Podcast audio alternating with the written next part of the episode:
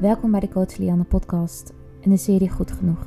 Een imperfecte kijk op het leven voor imperfecte mensen.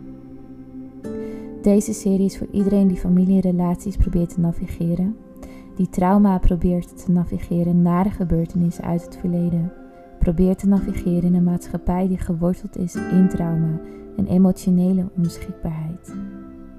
Ik help mensen hun verleden te begrijpen. Ik zet hen in hun kracht en leer hen te vertrouwen op het feit dat zij nieuwe skills kunnen aanleren om oude patronen te doorbreken. Om hun zenuwstelsel en hun brein van traumasymptomen te helen, zodat zij nieuwe patronen kunnen creëren die constructief zijn en niet alleen voor zichzelf, maar ook voor de generatie die na hen komt. Onze familiepatronen eindigen niet op miraculeuze wijze bij onze achttiende. Trauma hield zichzelf niet. Traumasymptomen gaan niet zomaar weg. De tijd hield niet alle wonden. Maar weet dat het nooit te laat is om opnieuw te beginnen. Je bent niet alleen. Je bent niet alleen in jouw drama, in de pijn die je op dagelijkse basis ervaart de emoties die je moeilijk vindt om te verwerken. En weet dat jouw familie, jouw verleden en jouw trauma jou niet definiëren.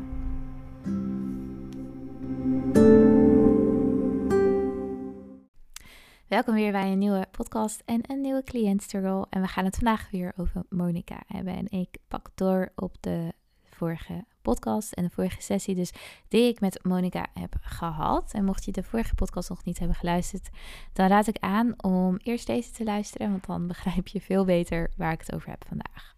En vandaag heb ik sessie nummer 6 met Monica en het onderwerp van deze sessie is ik heb geen idee wat ik kan doen.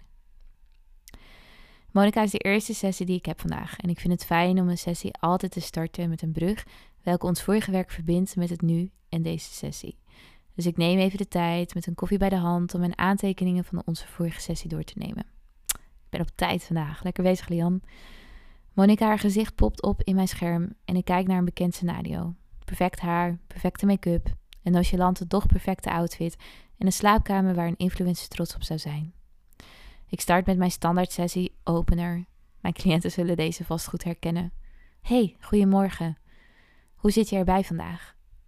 Ik probeer altijd een algemene check-in te doen en hoe het die dag voelt, voordat we de brug verbinden met het verleden en we de meer intense onderwerpen aankaarten. Monica zegt snel dat alles goed gaat. En dit is waarom een brug zo belangrijk is. Veel van mijn cliënten zullen mij vertellen dat alles oké is en goed gaat, of ontmoeten mij met een lege blik zodra ik hen vraag waar ze graag zouden willen starten.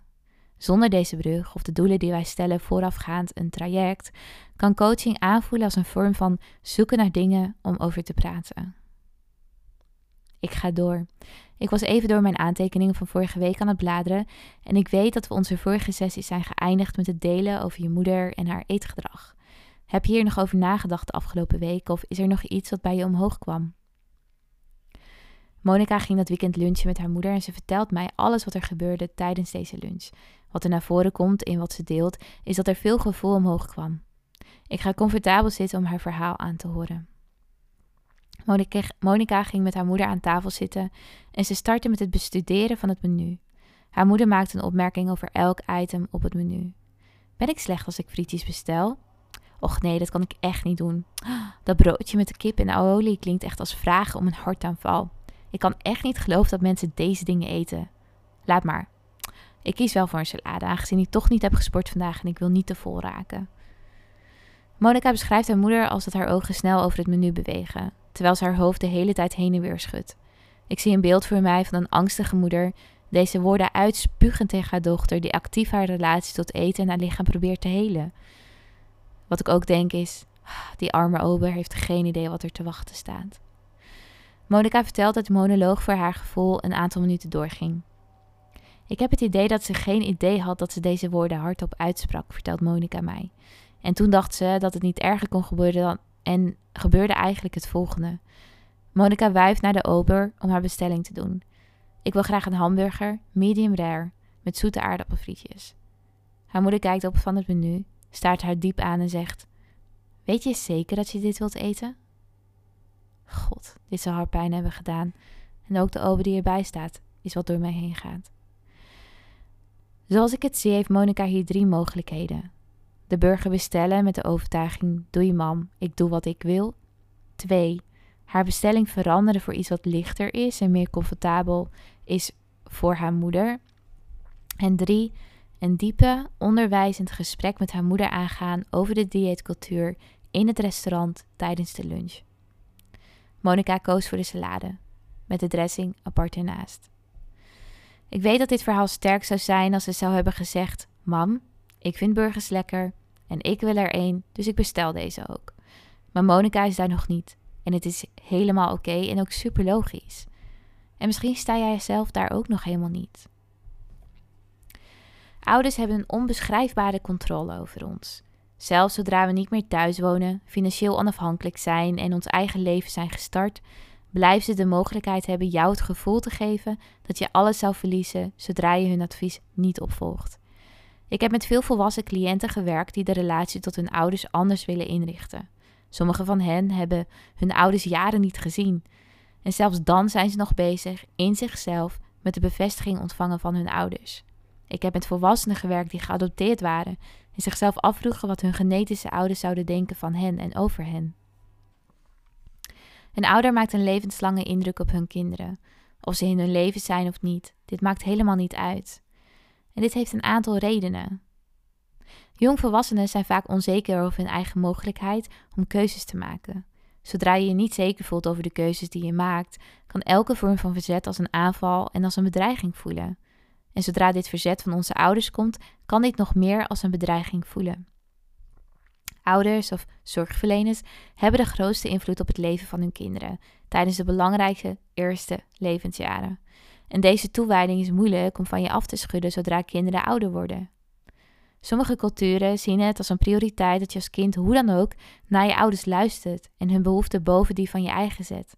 Het kan als een grote vorm van verlating voelen zodra zij hun behoeften boven die van hun ouders zetten. Het zou heel mooi zijn geweest als we Monica een grens zouden zien stellen in deze situatie bij haar moeder. Grenzen zouden heel goed samengaan met de burger die zij bestelde. Maar wat we ook nodig hebben is om in te zien in deze situatie dat tegen haar moeder ingaan, tegen de schoonheidsidealen die zo diep in haar geworteld zitten ingaan en haar eigen overtuigingen van mam weet altijd het beste, wat als een makkelijk besluit gezien kan worden, eet gewoon die fucking burger, eigenlijk een stap is naar rebellie en onafhankelijkheid. En dit proces kunnen we niet overhaasten. Monica en ik hebben al een tijdje gewerkt aan haar lichaamsbeeld en haar continue streven naar perfectie. Dus het feit dat ze voelde dat ze een burger wilde en zich moedig genoeg voelde om dit te delen terwijl haar moeder tegenover haar zat, is al een grote overwinning. En ik wil dit vieren met haar. En de reactie van haar moeder scheiden van Monica haar eigen helingproces. We nemen een moment om het te hebben over wat haar voor die burger deed laten kiezen en hoe zij zich realiseerde dat dit was wat ze wilde. Side note, ik zeg niet dat het kiezen voor een burger gelijk die vrijheid in je eetgedrag geeft.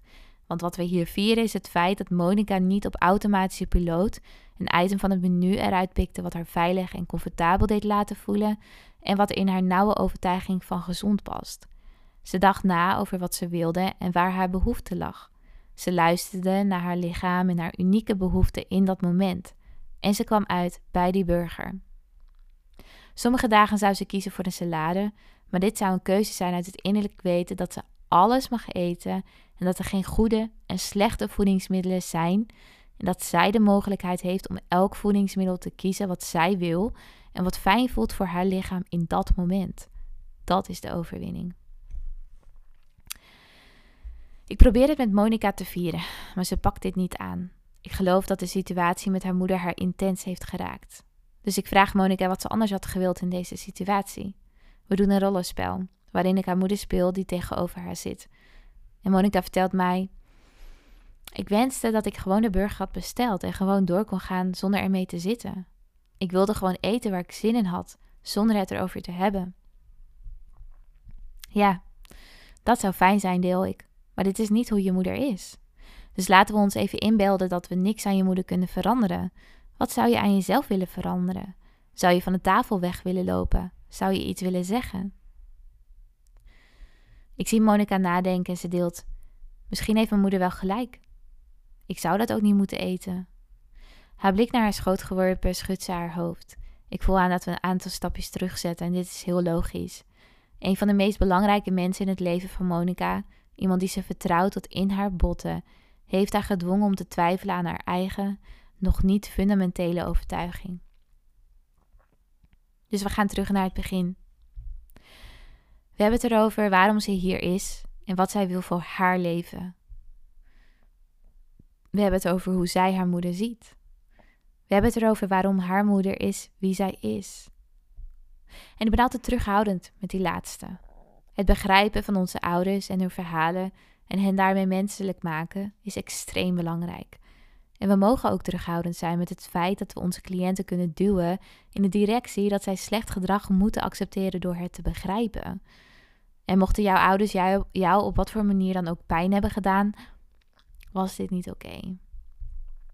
Het feit dat zij een moeilijk en zwaar leven hebben gehad, kan jou helpen dit te begrijpen, maar dit zorgt er niet voor dat de pijn wordt gewist. Jouw pijn mag erkend worden. Jouw pijn is legitiem. Monica deelt met mij dat haar moeder een zwaar leven heeft gehad. Haar moeder gebruikte haar schoonheid om het leven waardevol te maken. Haar schoonheid zorgde ervoor dat ze uit de schulden en financiële onzekerheden kon klimmen.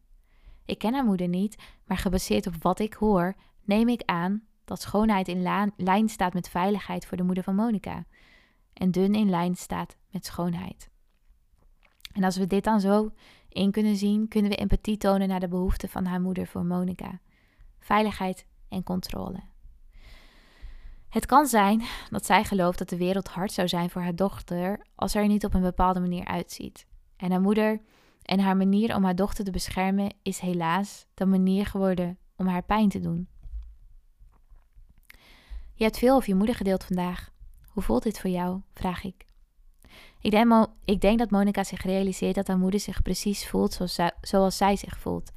En dit opent een deur van empathie en begrip voor haar moeder. Haar moeder voelt ook de interne druk om perfect te zijn.